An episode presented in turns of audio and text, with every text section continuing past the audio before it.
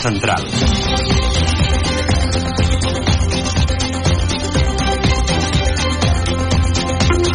Ràdio Manresa, 95.8 FM, 1539 on a mitja, cadena 100.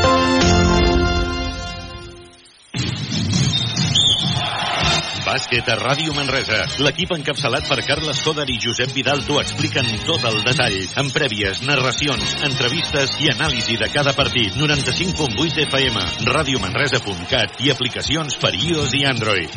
Aquest diumenge, a partir de dos quarts de cinc, Coviran Granada, Baxi Manresa.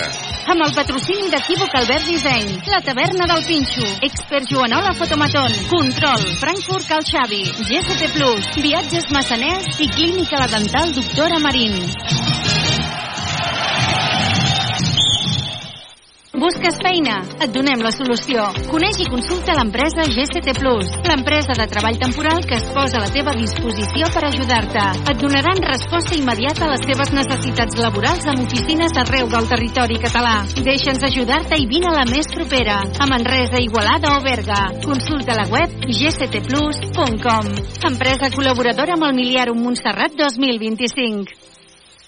Busques fer reformes a casa teva i no trobes gent de confiança? Doncs no busquis més. A Cuines Navarcles ho tenen tot. Fusters, paletes, llauners, electricistes, finestres d'alumini i el més important, són gent de confiança. Cuines Navarcles fan que casa teva sigui el lloc on t'hi sentis més a gust. Demana més informació a l'Avinguda de les Bases 49 de Manresa o al telèfon 93 877 2803 93 877 2803 Cuines Navarcles. Tot amb una sola mà. Papa, papa, escolta. Haig de dir-te una cosa important. Digue'm, filla. Estic embarassada. El teu primer net, papà. Filla, és una notícia meravellosa. Audiocàlia. No et perdis les grans notícies que dona la vida. A Solsona, pare Claret 6 i a Manresa, carrer Àngel Guimarà 17. Bàsquet a Ràdio Manresa. L'equip encapçalat per Carles Coder i Josep Vidal t'ho expliquen tot el detall, amb prèvies, narracions, entrevistes i anàlisi de cada partit. 95.8 FM, radiomanresa.cat i aplicacions per iOS i Android. Aquest diumenge, a partir de dos quarts de cinc, Coviran Granada, Baxi Manresa. Amb el patrocini d'Equívoc Albert Disseny, la taverna del Pinxo, Expert Joanola Fotomaton, Control, Frankfurt Cal Xavi, GST Plus, Viatges Massaners i Clínica La Dental Doctora Marín.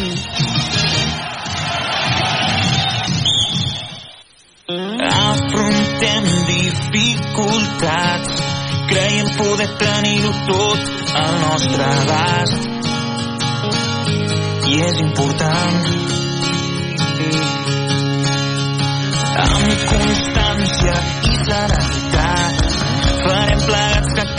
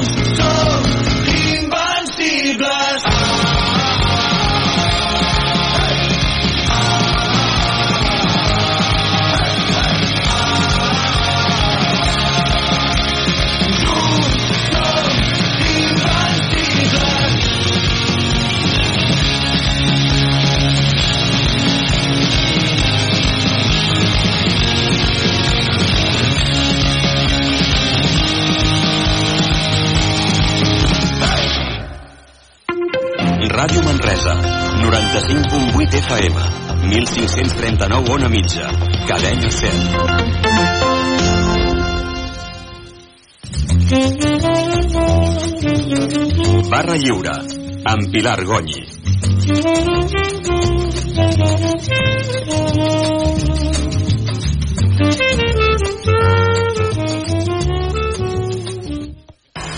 Benvinguts a aquesta tertúlia de divendres 2 de febrer, tertúlia 78 de la 25a temporada. La Generalitat de Catalunya ha decretat l'emergència per sequera a la conca del Ter Llobregat, la que abasta 5 milions de persones. Les altes temperatures dels últims dies han accelerat el descens del nivell dels embassaments, que ja estan per sota dels 100 hectòmetres cúbics, al límit que recull pla de sequera per entrar a la fase més dura de mesures per estalviar aigua amb la declaració de l'emergència, les piscines dels hotels, càmpings o balnearis no es podran emplenar sota cap concepte. Per tant, en un període curt de temps hauran d'acabar tancant. L'única alternativa viable és omplir-les amb aigua del mar, una opció cara i que en alguns casos podria posar en risc el sistema de proveïment que no està preparat per aquest volum d'aigua salada, incloses les depuradores. Cal tenir present que la fase d'emergència té tres subfases. Emergència 1, emergència 2 i emergència 3, que són cada cop més restrictives. Aquesta setmana entrarem a emergència 1, que limita el consum per habitant i dia a 200 litres per persona. Hi han municipis de la comarca del Bages que superen aquests 200 litres per persona. Al 2008 ja es parlava del que podria afectar-nos amb la sequera, però no es van prendre les mesures oportunes. Ara anem a contrapeu. La ciutadania segur que responem. Les autoritats i els governs també ho faran. Obrim aquesta barra lliure. Avui volem parlar amb la Mar, benvinguda. Ella ens ha acompanyat en d'altres ocasions. En aquest cas és la segona edició del Sin Disfraz i parlem de malalties rares. En concret, una d'aquestes malalties és el MEF2C, que després explicarem què és. Marc, et demanaré que t'acostis al micròfon cap amb tu. Molt bé, perfecte. Saludeu el Joan Candàliga, benvingut. Què tal, com estàs? Bé, molt bé, aquí... Aquí. De divendres, avui, Exacte. no? De divendres. I l'Eulàlia Cerdà, què tal? Bon dia. Que no ens havíem Molt vist des bé. de feia temps. Escolta, Eulàlia, què tal Sant Vicenç? La festa major d'hivern? Doncs a Sant Vicenç molt bé, la festa major doncs, va anar com esperàvem, que va ser molt participada, molt participada i doncs vam fer molts actes, amb un pregó doncs, també molt bonic i molts actes doncs, tant per grans i petits que, que vam gaudir molt i vam menjar la mola que és el típic pastís de Sant Vicenç que és específic de, de la festa major de Mhm. Sant Vicenç i bé, va anar, va anar molt bé i molt, i molt contents eh, no? al mig del, del desembre del gener, perdó que, que hi hagi doncs, una festa doncs ve de gust I tant. Doncs jo no he menjat de mola. Eh, i teniu molt bones pastisseries a Sant Vicenç. Hauré de venir a buscar-ne. En fan tot l'any o només ara? els De moles en fan tot l'any? es fa només Oh. per Sant Vicenç però, ganes. Però si, si la demanes segur que te la faran Ah, perfecte. Amb encàrrec es pot demanar. amb encàrrec segur que te la faran Molt bé. Escolta, Eulàlia, eh, i, la, la resta de la taula, eh, l'altre dia estaven aquí l'Anna Llobet, alcaldessa de Sant Salvador, i també hi era l'Albi Coberó, l'Albert Coberó, alcalde de Súria, i comentaven aquest tema que els ajuntaments us han fet com responsables del que gasten els ciutadans. és així Com ho porteu, això? Bé, és, és, eh, és difícil de, de poder-ho encaixar tot i ara, com, molt bé comentaves ens, ens es limita a 200 litres per, per habitant i per exemple a Sant Vicenç doncs hem, en passem una miqueta no? estem a, a 210 per, per habitant um, ja no reguem els, els parcs ja no, ja no, ja no reciclem l'aigua de la neteja de, diària eh, ja s'han fet moltes accions ja portem temps eh, prenent mesures perquè hi hagi aquesta conscienciació Uh, no, es, no es reguen les flors de, de, de les jardineres. Hi ha jardineres que ja no tenen ja no tenen vegetació perquè no es poden regar i llavors ja es moren. Però clar, ara mm, com responsabilitzes a, als ciutadans no? que els ciutadans són molt responsables això també ho hem de dir però, eh, i a les indústries. Les indústries és una part molt important dels ajuntaments que té aquesta dificultat de com eh, trasllades un ajuntament amb una indústria que t'està donant feina a la gent del teu municipi que mm, ha de regular un consum d'aigua que ell necessita per la seva activitat és molt difícil de casar i això repercuteix en multes a l'Ajuntament de cada municipi. Costa una miqueta d'encaixar, de, de, d'entendre i de trobar una solució eh, per, per tots, no? Eh, fa anys doncs, que hi havia que hi ha hagut eh, propostes de mesures que, que s'haguessin pogut treballar, no ho hem anat fent perquè en els moments límits que ens trobàvem de sequera sempre acabava plovent i ens resolia aquest mal de cap que ara tenim, però les previsions tampoc no, ara actualment no són bones i estem doncs, intentant trobar doncs, solucions en una, en una, en una situació que hi hauríem d'haver posat remei abans. Jo també penso que eh, som a temps a posar solucions, eh, a resoldre aquesta emergència que ara estem tenint, però és evident que hem de tenir una, una solució i, una, i, una, i un projecte de solució aquí a Catalunya per poder resoldre aquest tema. Hi ha, hi ha diferents propostes, eh? i ara tampoc no entrarem en una cosa molt tècnica que no és del meu abast, però hi ha diferents propostes que s'han de poder treballar. Clar, a la comarca del Bages dèiem que hi ha municipis que sobrepassen aquests eh, 200 litres. Eh, Sant Mateu de Bages està al capdavant amb més de 400 litres, però és que clar, hem de tenir en compte que no estem parlant només de persones, que hi ha molts animals i que hi ha moltes terres de conreu i que per tant és normal que es passi no és en aquests termes municipals per persones sinó evidentment no és en aquest cas indústria però sí que és indústria al sector primari Exacte. que seria els camps eh, les terres de conreu els animals és eh, un tema és l'activitat complex, econòmica eh? els dius animals però animals de granja no estem Exacte. parlant d'activitat Sí, sí, sí. econòmica i de cadena no? alimentària doncs, de, de, de, nostra també no? sí, sí. que, És preocupant. que està afectant I jo aquesta setmana dilluns, eh, com s'ha pogut veure per televisió, vam estar fent uns reportatges en posta i clar, passaves per, per aquell pont que sempre surt a TV3 quan parlen del temps i deies, però si aquí hi ha molta aigua les comportes de maquinensa s'han obert clar, el tema és que l'aigua no puja cap aquí, que es queden allà i que ara plourà, sí que hi ha previst que plogui però a la zona de l'Atlàntic no del Mediterrani, que sempre és més més esbojarrat el que pot passar sí. eh, tenim complicat, eh? Mm, la situació és molt complicada. És. Ens venien avisant, no fèiem massa cas, Sí, sí. i estem com estem. Aquesta és la situació. En fi, vosaltres com ho veieu? Jo, Josep? bueno, primer de tot, jo crec que la solució ve que plogui, no? Vull dir, Sí, sí. independentment, perquè la situació que tenim dels plans d'emergència que puguem tenir són els que hi han.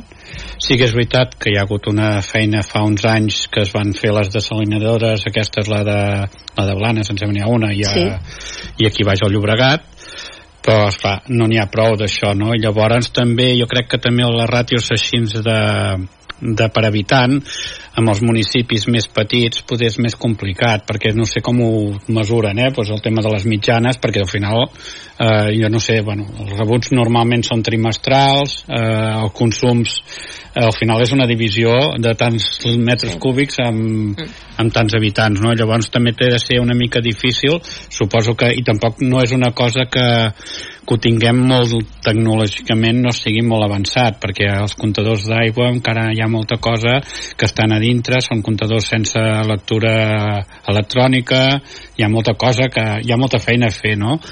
i també és veritat que sempre pues, s'han previst mm, inversions i parlo dels ajuntaments en, municipi, en el que és el municipi amb obres més de, de lluir i el tema del que és municipis, les xarxes d'aigua tot això tenen una caducitat fa molts anys i bueno, aquí dia passa dia empeny i ens trobem que en molts municipis eh, hi han les canonades per poder eh, millorar perquè no hi haguin pèrdues, per posar més tecnologia i crec que això també és una cosa que haurem d'anar avançant tots plegats amb l'ajuda evidentment de l'administració perquè els ajuntaments sols no hi poden ser però crec que és un treball que s'ha de fer i, i és clar, això s'ha de fer encara que hi hagi pluja i que ens vinguin moltes pluges. Una cosa que també potser aniria bé ja que ja que l'altra vegada va anar bé, poder que el conseller eh, Baltasar, que va anar a Montserrat i va ploure molt després, doncs buscar alguna, alguna cosa d'aquestes que potser ens aniria, encara que no hi creguem massa, però sí que és veritat que, que és, és preocupant, eh? Vull dir, a l'hora sí. de... I bé, com veus eh, els pantans i tota aquesta part de, de les capçaleres dels rius i tot això fa molta llàstima i, i per molt que plogui costarà molt de que, de què s'ompli això. Evidentment que ho veurem ple algun dia, però no havíem vist mai tan buit. I a més a més que et planteges allò de com hem arribat fins aquí, perquè recordo que el, el primer estiu de, de pandèmia, que no podies recórrer gaires llocs, molta gent anava als pantans i eh, recordo un any per Sant Joan que molta gent va anar a pantans, els campings hi havia i miraves la gent s'estava banyant, els pantans estaven planíssims, el de Sant Pons, el, el de el que quan vas cap a Sant Llorenç de, de Morunys, tots, eh, absolutament, el, el, el de Sau. I clar, ara veus allò, realment fa molta pena, eh? Però molta pena. Molta. Tampoc no sé ben bé la gestió que s'ha fet, no? Amb, eh, també eh, si s'han obert comportes o no s'han obert comportes quan s'havien d'obrir. Aquí també hi ha, hi ha altres eh, necessitats, no? Electricitat, que, que també genera, genera, per generar aigua no sé, si hi ha hagut una bona previsió, si hi ha hagut un... I, i que també que hi ha una altra cosa, que, clar, evidentment, venen turistes, els turistes consumeixen aigua. Sí, sí. Clar, l'altre dia parlàvem amb un hoteler i deia eh, nosaltres a la Costa Daurada teníem, eh, i a la Costa Daurada també, molts ucraïnesos i molts russos abans de la guerra. Però clar, pandèmia, guerra, han perdut tot aquest turisme. Com els diran ara que estan aconseguint que tornin a venir anglesos, no, no podeu consumir aigua. Com ho expliques tot això? No, no, és, és complicat i a més a més, vull dir, també tenim un tant per cent és important de turisme a, a nivell de Catalunya i tenim, és una font de riquesa I tant, important. Una activitat també econòmica. I, I el tema, el que sap més greu és això, que, que les pluges hi són, estan entrant a la península, però que no ens acaba, acaben aquí a Lleida i ja no arriben, no? Vull dir, sí. i això, perquè a la Conca de l'Ebre i això està, està bé, Està el que bé, comentaves tu, Pilar, no? Vull dir, la veritat és que que, bueno, alguna cosa haurem de fer, no? Vull dir, per... A veure. Doncs, el que no podem anar tots allà baix a, cap allà baix, no? Eh, El que està al nostre abast és consumir menys aigua i anar a veure la moreneta. Era la deies. moreneta. Sí, sí. Ja està. La resta, doncs... Eh, O ja... plourà, eh? Jo estic convençut Sí. que plourà. Jo estic convençut que sí. El que passa que a vegades... Eh, bé. Que plogui bé, perquè Sí. llavors anem a treure aigua. Aquí està. Anem a treure Aquí aigua. està. Aquesta és una, tema inundacions, i l'altra que plou el Les dia que- que menys et convé. I a les capçaleres del riu Ah. hauria de ploure. I l'any passat, per exemple, que plogui eh, per l'Expo Bages, que va fer aquell Ah, patac sí. d'aigua, que dius, home, justament aquest cap de setmana Sí, sí, sí. que hi ha el moviment econòmic a Manresa i passa això. Mhm. En fi, anem a parlar amb la, amb la Mar, perquè l'any passat va eh, començar, doncs, eh, una acció que crec va anar molt bé, va funcionar molt bé, i aquest any hi torna, si no, no hi tornaria, si no hagués anat bé. Eh, Mar, explica'ns en primer lloc què vol dir sin disfraz. Vale. Sin disfraz és, és una campanya um, de, de sensibilització i de visibilització de les malalties minoritàries uh, que afecten als més petits. Val? Llavors, uh, es diu sin disfraz primer perquè la meva empresa jo faig disfresses i el que pretén és una mica ensenyar aquestes malalties i els nens que les pateixen amb totes les seves vessants, amb la vessant més crua i la vessant més, més tendra i més bonica, amb tots, amb tots els sentits. I tu, mm, això et va venir de, de cop i volta? què, què et va inspirar? Perquè alguna cosa de, ha d'inspirar que una persona particular digui, doncs, em poso, em poso a fer això. Doncs, bueno, des de que vaig començar amb la meva empresa, amb Ninona Handmade, sempre havia volgut que, que alguna part tingués el, algun tipus de retorn social però no acabava de trobar mai l'encaix, no acabava de trobar mai la manera, no mm, confeccionar en, en tallers socials no acabava de trobar-ho, en fi, no. I, i un dia doncs, em vaig inspirar pensant que, que potser el que estava buscant era algo molt gran, que la meva empresa és una empresa petitona i potser el que puc fer és donar veu a això, a causes que, que són petites com la meva i que per tant costa més de que es vegin. Eh, una empresa petitona, però tant de bo hi haguessin moltes empreses petitones que fessin el que estàs fent tu. Perquè potser moltes mancances que tenim o moltes persones que mm, no se'ls hi acut fer el que estàs fent tu doncs eh, això van en disminució amb aquesta ajuda solidària i social que hauríem de fer, per tant amb això se t'ha de felicitar Moltes gràcies. no, és veritat. No? Imagineu que totes... A veure, hi ha molta gent que a Catalunya sabem que és un país solidari, es veu en la Marató de TV3, tot i que aquest any ha minvat, però hi ha una quantitat d'entitats eh, una quantitat d'empreses que col·laboren amb moltes causes Mhm. mm, crec que no ens podem que- queixar però si n'hi ha més millor Clar. per tant de petita tampoc no tant eh? que això és el, el que fas molt bé, i com engegues? com vas engegar l'any passat quan se't va ocórrer la idea? Doncs, bueno, mm, l'any passat uh, l'entrada va ser a través d'una família que, que conec i que hi tenia accés directe uh, uns amics que tenen una, una nena que té una malaltia que es diu Singapu vale? que té certes similituds amb, amb la malaltia que té la nena d'aquest any i llavors el que vaig decidir és uh, fer una sessió de fotos amb aquesta nena uh, vestida amb alguna disfressa de, de la meva col·lecció i a través d'aquí doncs, explicar una mica la seva història i la seva malaltia a través de l'eina que jo tinc més a l'abast que són les xarxes socials i després els mitjans de comunicació que bonament us brindeu a ajudar-nos I, i, i ja està? i a partir d'aquí què passa? i a partir d'aquí passa doncs, que, bueno, que, que la gent doncs, eh, es comença a interessar per, per, aquesta, per aquesta història i, i passa el que, el que volem, que és que mm, gent que no en tenien ni idea uh, de que existia aquesta malaltia doncs, doncs la coneguin i es conscienciïn i que algunes persones, no totes, decideixin uh, comprar una disfressa en la meva botiga online i llavors un tant per cent dels beneficis d'aquesta disfressa uh, es van donar en el cas de l'any passat a l'Hospital de Sant Joan de Déu que tenien una línia de recerca per aquesta malaltia que era el Singapur. Uh -huh. I quan es va recollir? Ara mateix em, em mates, no, no, no t'ho sé dir, però de fet no és la part més significativa eh, d'aquesta acció, perquè com et dic jo sóc una empresa petita i per tant eh, el que jo pugui recollir és, és petit, el, el, el més important era tota la part de, de difusió. Uh -huh. Jo no sé si som conscients, i si entrem a Google i posem malalties rares, és que n'hi ha moltíssimes. Moltíssimes. I, I a vegades si no tens una persona a prop que, que un, un nen o un fill o un nebot tingui una malaltia d'aquestes, és que És molt difícil, Sí, és molt sí? difícil, sí. Jo ho valoro molt, ara estava escoltant, no?, aquí com estaves explicant aquesta acció, i parles de, de, de, des de la, de la teva empresa petita, d'aquesta malaltia minoritària, però és, és real, vull dir que és difícil també eh, fer arribar aquestes, aquestes eh, accions eh, arreu, no?, a part de les xarxes socials, perquè si no tens una persona que té aquesta problemàtica ho desconeixes totalment perquè n'hi ha moltíssimes, n'hi ha moltíssimes en aquest arreu, aspecte. arreu de 7.000 n'hi ha de malalties minoritàries Mhm. identificades. i, i en el cas de, de la criatura d'aquest any hi ha 400 al món Exacte. Imagina't. I una vintena a Espanya. S'ha de dir que és una, una malaltia que s'ha caracteritzat fa molt poquet. uh -huh. I llavors per això hi ha molt poca gent diagnosticada. Ara mateix hi ha una vintena en tota Espanya. Però això no vol dir que no que no n'hi hagi més.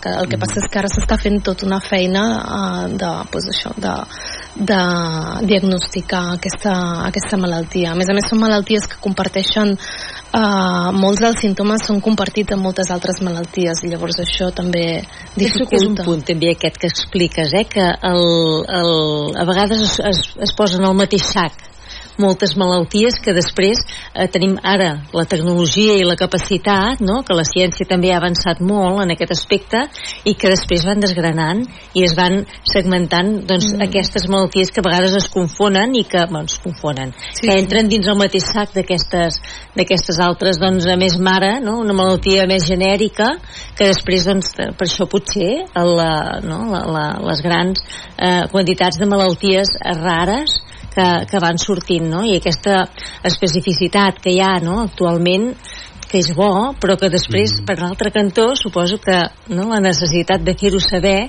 perquè no hi ha els recursos per poder eh, no, eh, treure una, una, un, algun fàrmac o la, la solució en aquestes malalties. Vull dir que és una miqueta tot una mica incongruent o difícil d'acabar-ho de casar, no? Està molt bé que et puguin identificar i saber realment què t'està passant, posar-hi un nom, que és important, però alhora que a vegades que tingui aquest nom doncs que no tingui aquesta solució no? que vosaltres esteu Eh. també lluitant perquè hi hagi aquesta, Jo, de aquesta fet, de necessitat fet l'any passat m'hi vaig, vaig trobar així com de front amb, amb això perquè sí, qui, qui es presta ràpidament a, ajudar-te i a donar-te veu normalment són entitats, empreses petites. A la que ja te'n vas a, a grans a, associacions o així, eh, si, per, per donar veu al que tu faràs, eh? si no preveus recol·lectar més de no sé quants mil euros, mm, ja no interessa. Si, i, i llavors eh, bueno, mm, al final sempre coneixem mm, les mateixes malalties i aquestes petites estan com en un bucle de desconeixement. Uh. Clar, això, això vull dir un tema és molt important que es vagin classificant perquè al final venim de fa uns anys que moltes malalties o síndromes o coses que, que s'han anat detectant en, en persones eh, es trobaven que, pues, que a vegades la classificació portava que tingués una medicació o no medicació, però vull dir uns tractaments que no tenies l'etiqueta aquesta que podies dir que tens un nom, no? I aquest nom és important que el tinguis per poder-ho treballar en tots els camps, no? Vull dir, això sí que, sí que és veritat, no? Jo, bueno, crec que és una...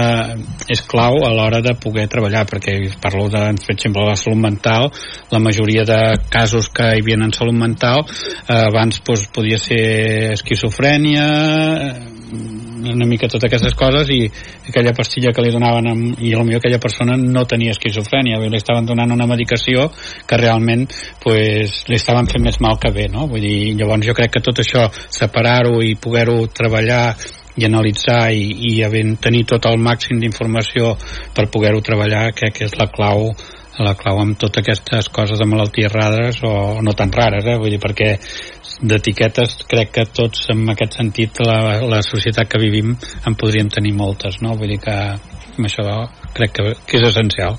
Però si troben, perdona, sí, sí, Pilar, eh? si, si troben que llavors no tenen eh, un, una, un recolzament farmacològic adequat no? Vull dir, una miqueta la lluita ve aquí, no? Que està molt bé que estigui especificat i que, sí, sí. i que trobis el síndrome i que puguis posar nom, però clar, ella diu, a partir de si no tens una certa quantitat, ja no t'escolten, ja no, no? I aquesta gent té, té unes necessitats que, que no hi donem sortida. Mm.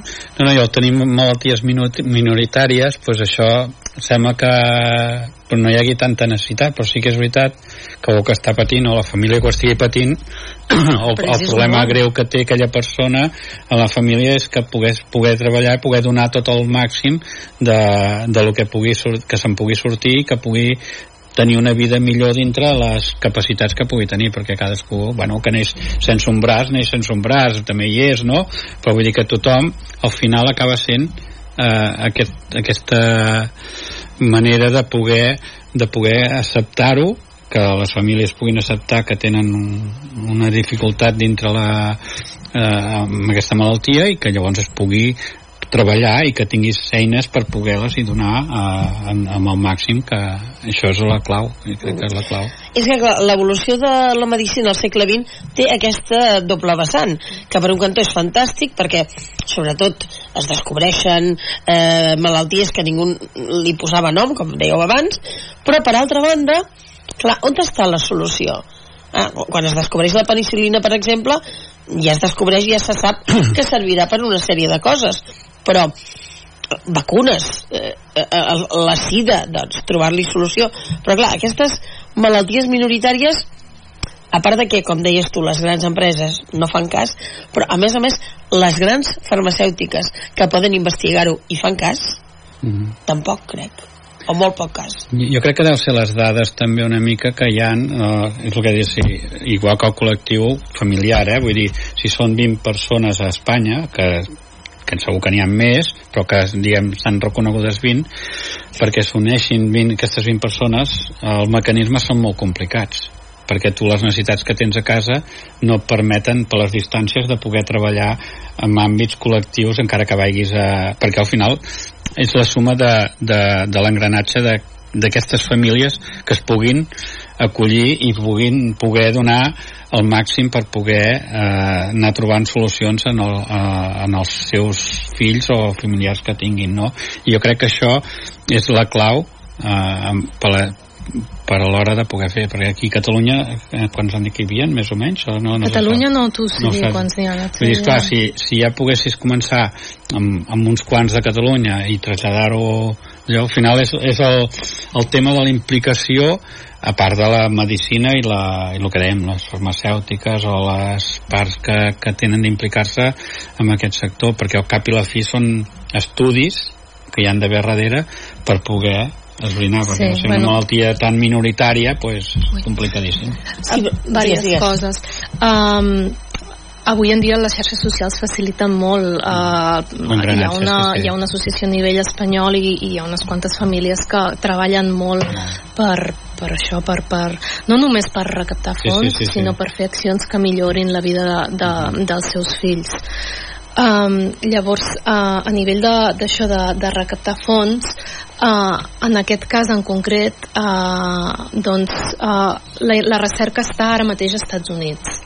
Hi ha dues línies importants de recerca i llavors la, la captació de fons eh, es fa doncs, mitjançant els associats a, a, les, a les diferents associacions que hi ha pel món i diferents accions que, que han fet, a part de que hi ha hagut donacions importants de, de particulars a, en aquestes, en aquestes asso associacions per, per, per investigar. El que passa, és que, eh, avui en dia ens agrada molt eh, posar-li nom a cada cosa. Sí. Clar, fa uns quants anys eh, una persona gran mm, doncs tenia demència i aquí s'acabava no? Sí, sí, sí. Ara ho hem anat eh, estudiant Alzheimer, demència senil Sí, sí. d'altre tipus d'especificacions Esto- això amb gent gran en molts casos, en la majoria de moment sense solució i se segueix investigant amb els nens el mateix que, que comentava que comentava el Josep eh, abans era un nen mogut o un nen que vés a saber què té aquest nen Sí, ara s'ha anat marcant o hiperactiu, no sé què, bueno, sí. això, això Clar, hi és. se'ls hi ha anat posant nom i eh, se'ls hi ha anat subministrant medicaments. Mhm. Però clar, en el cas del que avui ens ocupa, que ara en parlarem, aquesta malaltia que ja el nom ja li han posat estrany. E MEF2C. Clar, jo no sé, li Mhm. podríem haver posat un nom més fàcil. No? D'entrada ja ni te'n recordes gairebé del nom. Eh, què passa amb aquesta malaltia? A veure, aquest, el Què nom és el que t'ha cridat l'atenció? Uh, el, el nom uh, és igual que la malaltia que tractàvem l'any passat, que és el Singapur, és perquè està relacionat amb el, amb el gen que causa aquesta malaltia. És, és el nom de, del gen. I, i llavors uh, aquesta malaltia en aquest cas és, és una, una mutació, és la pèrdua de- de- d'un segment d'aquest d'aquest d'aquest cromosoma, del cromosoma 5. Mhm. Uh -huh. Llavors això doncs, provoca eh, discapacitats a nivell intel·lectual, a nivell físic, quadres de- d'epilèpsia, retards en la parla, molts d'aquests nens eh, no es comuniquen parlant, es comuniquen d'una altra manera, bueno, un quadre que en alguns eh, aspectes es podria semblar al de, al de la malaltia que tractàvem l'any passat també. Uh -huh. I tu com el descobreixes, aquest cas? Doncs el vaig descobrir eh, a través d'una associació que hi ha aquí a Catalunya que es diu Afecto Mariposa, que és una associació que eh, es dedica a donar suport a les famílies que tenen nanos amb discapacitat, sigui quina sigui. Llavors eh, van ser, va ser una persona d'aquesta associació qui em va posar en contacte amb, amb l'Alba, que és la, la mare de la- de l'Alicia, la protagonista. Uh -huh. Explica'ns la història de l'Alba i de l'Alicia. Tu hi contactes? No Sí. coneixien de res, clar. No, no, no, no en coneixia D'on són? de res. De Barcelona. Uh -huh. Sí, jo, bueno, eh, a mi l'Àngels em va donar el contacte de, de l'Alba, li va, primer li va preguntar si estaria d'acord en participar, li va dir que sí, i a partir d'aquí doncs me'n vaig anar a casa seva aquest estiu a, a conèixer-les a totes dues i, i vam començar, bueno, vam començar a idear la, la campanya d'aquest any. Uh -huh. Quants anys té l'Alicia? 10. 10 anys. I quan li van detectar? Quan van saber que patia aquesta malaltia rara?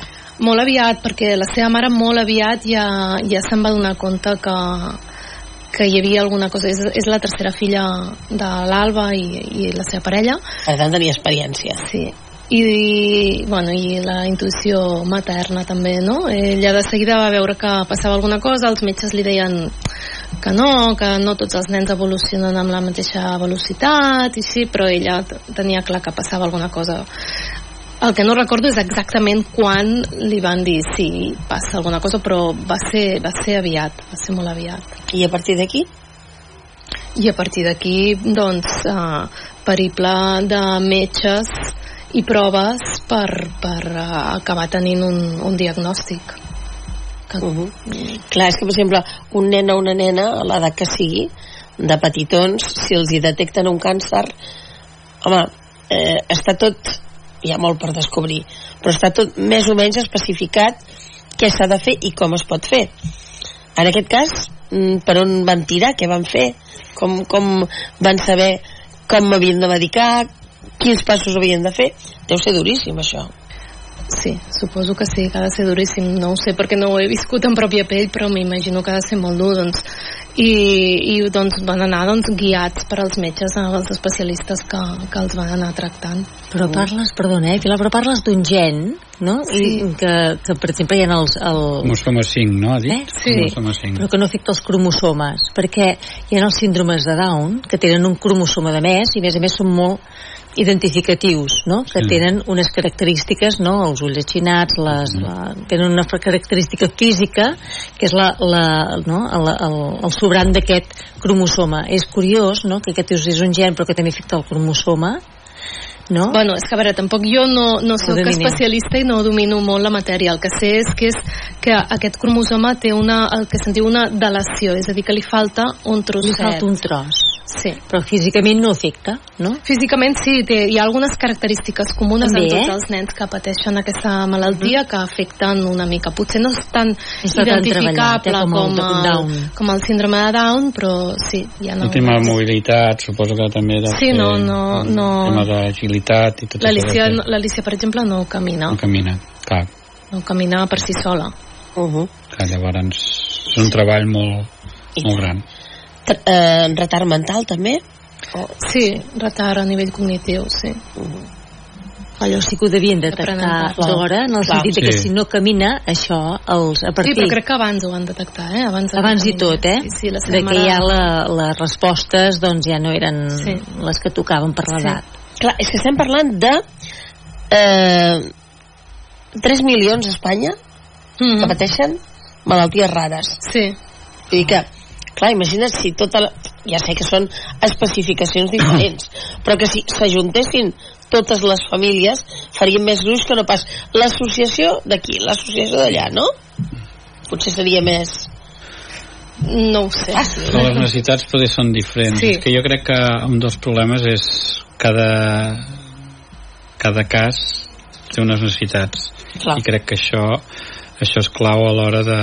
Clar, en aquest cas el desenvolupament d'aquesta persona eh, si a part de la ment mm, la té que no, no està prou evolucionada prou madur, a més a més la mobilitat doncs, li afecta molts sectors perquè a nivell personal aquesta persona doncs, mm, tenir una vida mm, És dependent total. de, és, has d'estar dependent total que és el que m'he Clar, hi ha altres malalties que no afecten en aquest nivell, que, Sí, que són sí. malalties rares i que, que, que els hi fa falta molta recerca, però que no... que poder no són tan visibles a l'hora de, de tras... bueno, visibles en el sentit de que eh, tu pots veure una persona pel carrer que tingui unes dificultats d'allò i que potser ho veuràs normal, només ho veuràs potser quan hi convius un temps o veus unes, Mhm. unes coses que potser no són del tot normals o, o, o diferents deixem-ho així, jo crec que diferents Standarditzades, sí. diferents, eh? jo crec que això I pot anar a algun tipus d'escola? Ella va a una escola pública del, del barri normal, la mateixa que han anat els seus germans. Uh -huh. I l'esperança de vida No, d'aquests nens? no, ho se sé i crec, no sé si se sap, perquè ja et dic que és una, una malaltia que s'ha caracteritzat fa molt poc, per tant, Mhm. té poca, poca història. Per això vosaltres el que feu és recaptar diners per la investigació d'aquest tipus de, de malalties, que és el més interessant. Bueno, ja t'he dit que recaptar diners uh, tampoc, tampoc és el gruix de la Sí. campanya, eh? Suport. El més important és, és donar-la donar a conèixer. la visibilització. Sí. I en aquest cas, la setmana que ve és Carnaval, per tant, eh, deus estar ja full preparant disfresses, no? Sí, ja quasi acaba- acabant la campanya, Sí? es pot dir. Sí, sí, sí, sí. De... Les fas de tot tipus, les disfresses? Són disfresses per nens i nenes, Ahà. sobretot. Bueno, Mhm. no, són per nens i nenes. I la, la característica que tenen és que no són vestits que tu t'hagis de despullar per posar-te'ls, sinó que normalment són complements que et poses al, al damunt. Llavors això facilita el fet de que no tenen talla i com que no tenen talla són molt fàcils de, de compartir i per tant tenen sostenibilitat en, a, en el temps. I, i a més a més el que fan és que no n'hi hagi mai dues d'iguals perquè, perquè és cada nen o cada nena qui li dona la seva personalitat i en aquest cas l'Alicia ha sigut la teva model. En aquest cas l'Alicia eh, li he dissenyat una disfressa per ella uh -huh. per, uh, inspirada una mica en la seva història. Sí que m'he sortit una mica de, de, de les meves característiques perquè perquè sí que és una disfressa que, que, que, que té talla, el que passa és que el que hem intentat és que fos un, un tallatge molt reduït, és a dir, que una mateixa disfressa mm, es pugui allargar, pugui, pugui durar també molts anys. Potser no tants, però també molts anys. Això és molt interessant que durin les disfresses, molt. perquè és un drama que només serveixen per un any. Pel que sembla, l'has disfressat d'astronauta? Sí. Ara ho estem veient. I per què? No és una astronauta, és la uh, Valentina Tereskova. Mm que és la primera dona que, que va anar a l'espai, la primera cosmonauta. Uh -huh. Sí, és una mica un homenatge a la Valentina Tereskova. És, és una dona forta i determinada com l'Alicia, que des de molt petita ja li agradava volar i quan era jove va fer paracaidisme i això la va, la va ajudar a entrar uh, al, a la força al, el, ai, no sé com es diu ara a l'exèrcit a, a ser astronauta uh -huh. i llavors uh, té en comú amb l'Alicia que també és una nena amb un caràcter fort i molt determinat i que el que li agrada més en el món és uh, saltar el seu jardí té una, un llit elàstic mm. i quan juga amb els seus germans i els seus cosins la fan, la fan votar i és el joc que més li agrada sentir, sentir com, com vola Uh -huh. I és el que et va inspirar. Sí. Però, a veure, amb el tema disfresses, tu segueixes les modes, fas les disfresses... No, o sigui, tu dius, aquest any, l'any passat, per exemple, que totes les nenes anaven de miércoles, doncs sí, la disfressa de l'any passat, sí. o de la nina del juego del calamar, ah. Mm, aquest, aquest any seria la Barbie, no? Pilar? Aquest any suposo, sí, la Barbie. Sí, sí. No sé, eh, aquest any, eh, de què les has fet, les disfresses? Bueno, jo no, no faig una col·lecció nova cada any, eh? Jo vaig, vaig traient disfresses, depèn, a la primavera potser en trec una, o a la tardor, no, no, no, no trec una col·lecció nova cada any. Llavors, bueno, et puc explicar que de les últimes disfresses que, que he fet, uh, una uh, uh, que m'agrada especialment és, és un, el, la primera d'una col·lecció que vull fer de, de, de davantals, mm. davantals de professions i llavors el primer és el davantal de, de pintor de pintor artista i és un homenatge a, a les meves arrels, al meu avi i al meu besavi que, que eren pintors mm -hmm. ah, que bonic i, i a més a més és unisex tant serveix per nens sí, per intento que moltes de les disfresses siguin, siguin unisex tot i que bueno, els nens es poden disfressar el que vulguin siguin el que siguin no? però uh -huh. intento que, que tinguin també molta versatilitat tu deies que ho fas en el teu taller sí. Mm? i aleshores et fan comandes eh, que, que han de ser a mida o, o com funciona això? No, no, perquè... Si que digui, no, és que avui tal disfressa. O sigui, normalment jo tinc la meva botiga online i en allà hi ha les meves disfresses que, que ja et dic, com que no tenen talla és, és molt fàcil no? una capa eh, quan té dos anys li anirà més llarga i quan en té cinc li anirà més curta però se la seguirà posant igualment. I llavors sí que a vegades hi ha algunes clientes que em fan unes, unes peticions així com més personalitzades. Llavors aquí ja creo, faig una creació uh, a mida la roba diuen que és molt important no? Per les disfresses perquè com que quan vas a, a una rua de carnaval doncs clar, hi pot haver-hi pirotècnia, hi pot haver-hi de tot. Heu de tenir en compte molt les robes que feu servir? Uh, jo el que faig servir, o sigui, jo uh, el que et puc dir és que jo fujo del concepte quan, quan vaig a comprar teles que em diuen eh, ras o el que sigui de carnaval. Quan em diuen la paraula de carnaval ja, ja quasi que no, que no m'ho miro perquè intento trobar disfresses eh, teixits amb, amb, amb, una, amb, amb més qualitat, amb més caient, més originals, i llavors normalment me'n vaig més cap a, cap a un altre tipus de, de teixits més de, de moda o de confecció. Home, és que ara acaba de dir una cosa, jo ara estic pensant, però no sé, a Manresa, tu no ets de Manresa, No. però Sant Vicenç, on iríem ara a comprar roba per cosir? Bé, eh, hi ha... I n'hi ha encara, no, no cal que diguem marques, sí, però... hi ha algunes botigues, però per exemple a Sant Vicenç sempre lloguem la disfressa. Sí, la sí. lloguem. No, no, però vull dir, jo, jo ara, mm, no sé, em vull fer un vestit. de fer. O no, no, no de carnaval, no, un Sí, vestit sí. normal i corrent. Em costaria començar a pensar a quines botigues tenen teles de roba, eh? No, jo sí que l'estic identificant. Sí? sí. Ai, m'ho diràs. Perquè, esclar, mm, No, I és després difícil, ara no? online és molt fàcil, Sí. eh, també. Sí, Però però aquí a Manresa tocar, n'hi eh? ha. Ja. Aquest és el, aquest és el tema. Alguns colors en especial, els que tries? No, la col·lecció sí que és veritat que va començar amb uns colors determinats, amb uns models determinats, perquè molt al principi totes les disfresses anaven vinculades a un tutú. O sigui, era una, una, una col·lecció molt pensada per nenes només, al principi de tot quan vaig començar, però després al cap dels anys vaig trencar això llavors els colors doncs depenen una mica de, de la inspiració, més que res. No, i que a més a més el que dèiem, que avui en dia hi ha molta, molta cosa unisex, que... Uf, Cada cop més. exacte, no? Tothom eh, es disfressa absolutament del que vol i hem vist disfresses de tot tipus i per tant també una cosa és el concepte carnaval de Venècia i un altre és el carnaval i les màscares, no? Les altre. màscares. Un altre és de quan ho feu vosaltres el carnaval? El dia 10? El dia 10? el dia 10 Sí, el dijous llarder és 5, 6, el 8 és dijous llarder 8? el 9 és divendres I el 10 el 10 el feu vosaltres el dissabte. El dissabte a la tarda a Sant Vicenç fem la rua de Carnestoltes, que sempre també hi ha molta participació, hi ha molta... I et disfressaràs? Ens disfressem cada any. ah sí? L'equip de govern ens disfressem cada any. i és per saber de què aneu o és sorpresa? Sorpresa. Ah, vale. Tu t'has disfressat alguna vegada? No. Normalment no és una de les coses que no... No, no, bueno, però, alguna vegada sí, però fa molts anys, eh? Vull dir que no...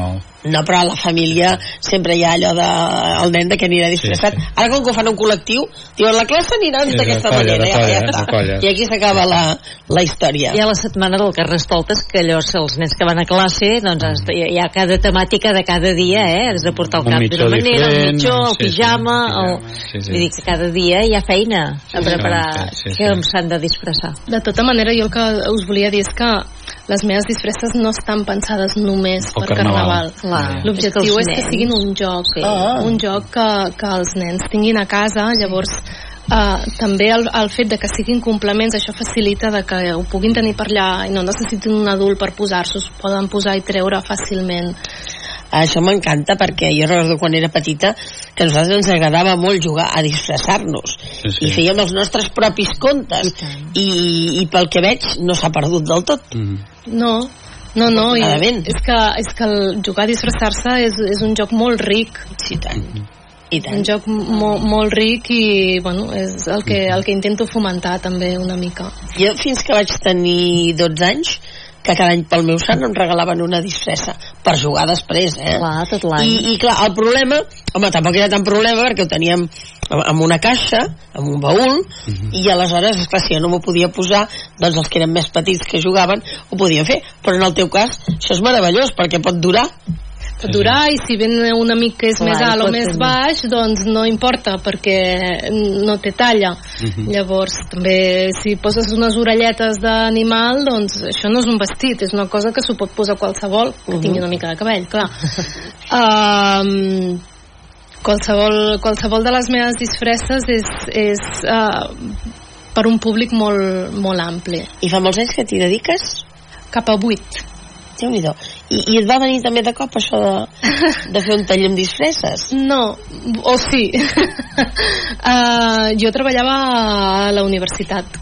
Jo havia treballat sempre amb relacions internacionals, uh, organització d'intercanvis d'estudiants i de, de professors i així. I llavors, uh, quan la meva filla tenia un any i mig, em sembla, Uh, va haver una re reestructuració a la universitat que estava llavors, em vaig quedar sense feina, vaig prendre un temps una mica com per recol·locar-me i allà doncs clar vaig aprofitar per fer el que més m'agrada que és fer coses, m'agrada molt uh, teixir, fer coses amb, amb, amb teixits no? fer mitja, ganxet, tot això i, i llavors eh, havíem d'anar al primer carnaval amb la meva filla la, la família del meu marit és de Banyoles i anàvem allà a fer el carnaval i a mi sempre m'havia fet molta ràbia posar-me una disfressa i al damunt un abric. No yeah. trobava cap sentit. I llavors vaig voler fer-li una disfressa a la meva filla que no necessités posar-se un abric al damunt. I li vaig fer la disfressa de gatet que és, era un tutú negre, unes orelles, una cua i li vaig posar un forro polar negre. I va tenir molt d'èxit Uh i a partir d'aquí era un moment en què jo ja m'estava plantejant que volia redreçar la meva vida cap, a, cap, a, cap aquí, cap a aquesta banda. I bueno, una mica a poc a poc la cosa es va anar encaminant cap aquí. I estàs tu sola? jo sola com una mussola Home, no, que déu nhi que, que, que deus tenir feina. sí tens feina tot l'any o bàsicament ara és l'època més forta? L'època més, més forta va des del novembre perquè Halloween ja, ja, ja és una tradició més d'aquí Uh -huh.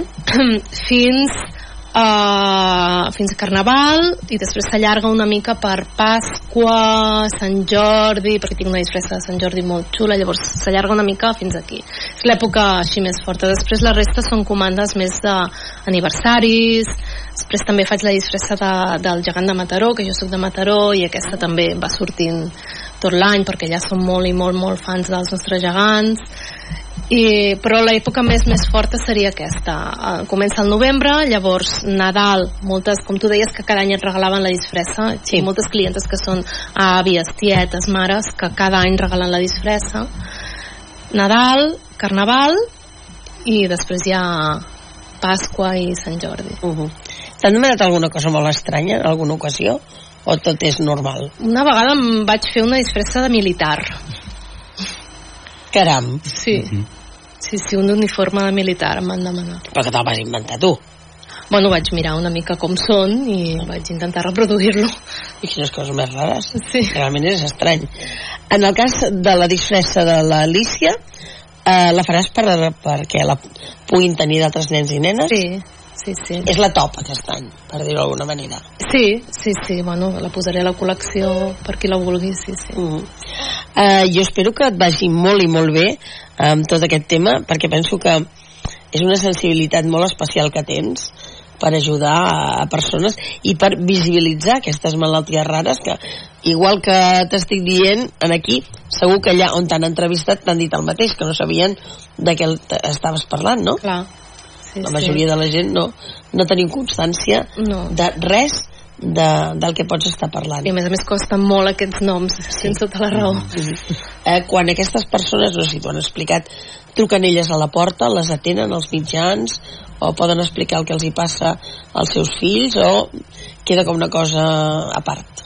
La veritat és que no ho sé, però jo crec que uh, funcionen molt a través d'associacions. a través d'associacions de famílies que, que es posen en comú i que fan accions conjuntes. Mm. Per tant, és fantàstic el que està fent la, la mare, és molt lloable, de debò, que mm, eh, vas venir l'any passat, jo aquell dia no, no hi era, però vaig veure el programa i vaig pensar que bonic que, que tinguis aquesta sensibilitat d'ajudar d'alguna manera a persones que realment, jo suposo que deu, t'ho deuen estar agraint tant Sí, clar. la mare com la filla Sí, sí, perquè bueno, és el que necessiten, visibilitat. clar mm. Molt bé, doncs escolta, moltíssimes gràcies per ser aquí potser seria interessant que diguéssim la teva pàgina web on poden comprar les disfresses Sí, ninonahandmade.net ninonahandmade tot junt. Molt bé, molt bé. Doncs esperem que serveixi per visibilitzar i també per ajudar a aquesta nena que deu estar contentíssima d'haver fet de model. Això segur, no? Sí, no ho sé, no m'ho pot dir, pobreta. Gràcies per ser aquí, però es nota amb l'expressió Sí, sí. de la cara que fa. En una de les fotos hem vist una cara de felicitat increïble, Mhm. la qual és molt bonic. Josep, bon cap de setmana. Eulàlia, eh, estaré mirant a veure de què aneu disfressats. Molt eh, la bé, Vicenç. fantàstic. Sí, sí. Moltes gràcies, per ser la tertúlia i a tots vosaltres que tingueu un molt bon cap de setmana. Dilluns parlarem amb una noia que ens explicarà una noia jove que l'ha portat a escriure un llibre sobre la menopausa. Adéu-siau. Barra lliure.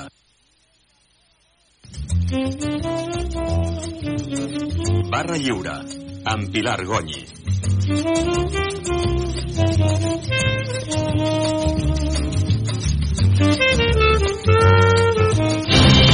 Hora 14. El láser. Lo que. Pasa.